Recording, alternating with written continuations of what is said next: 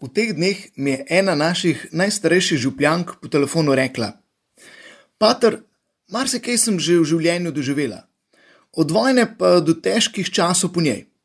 Kot majhna punčka sem bila v hudi bolezni že skoraj na drugi strani. Ampak kaj takega, kot imamo zdaj, tega pa še ne. Pa to, da ne morem k maši v tej težki situaciji, ko še bolj potrebujem bližino z Bogom. Pri tem je seveda treba povedati, da ta gospa sicer vsak dan hodi k maši. In podobno verjetno doživljate mnogi.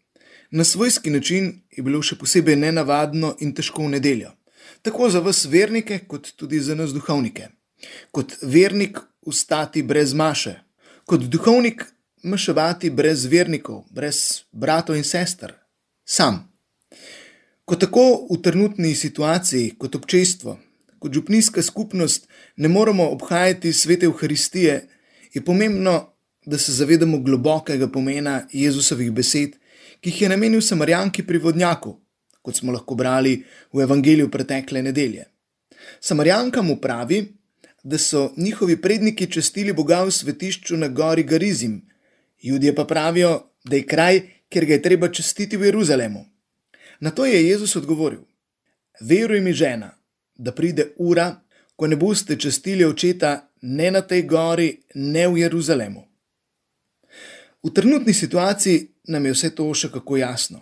Kot občestvo ne moremo skupaj obhajati Euharistije ne v domači cerkvi, ne na kakšnem romarskem kraju, nekje druge. Ampak kako zelo pomenljivo je za nas to, s čimer Jezus nadaljuje. Pride pa ura in je že zdaj, ko bodo pravi čestilci, častili očeta v duhu in resnici. Prav takih častilcev si namreč želi oče. Bog je duh in tisti, ki ga častijo, ga morajo častiti v duhu in resnici. Torej, zdaj je nastopila ura, ko ne moremo kot občestvo skupaj obhajati Euharistije. Vendar pa je zdaj tudi ura, ko bodo pravi častilci častili očeta v duhu in resnici. Ne pozabimo, da je Jezus po nebohodu zapustil učence, tudi poslal jim je duha to lažnika. In prav sveti duh je tisti, ki je povezoval prvo skupnost kristijanov in jo vodil. Kot beremo v apostolskih delih, je prva crkva, prva skupnost kristijanov, utelešanje svetega duha. To dejstvo je za nas danes, v trenutni situaciji, še kako pomembno. Res je, da smo vsak v svoji izolaciji ali celo sami, ampak še vedno smo občestvo, še vedno smo crkva, še vedno smo skupnost verjočih, če tudi je razpršena, pa vendar smo eno v svetem duhu. Morda je prav ta izolacija za vse nas tista priložnost, da poglobimo vero v svetega duha, da si jasno prikličemo v zavest to temeljno dejstvo ni samo Euharistija tista, ki gradi in povezuje občestvo, ampak sveti duh.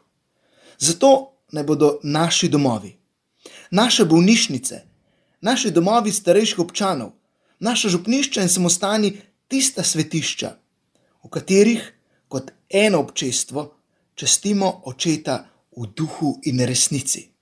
Ko kličemo svetega duha, naj prebiva v nas in med nami in naj nas povezuje ga še posebej kličimo, naj ozdravlja obolele, naj krepi njihove svojce, naj daje moči vsem požrtvovalnim zdravstvenim delavcem, naj vodi naše državne voditelje in naj varuje naš narod in v svet.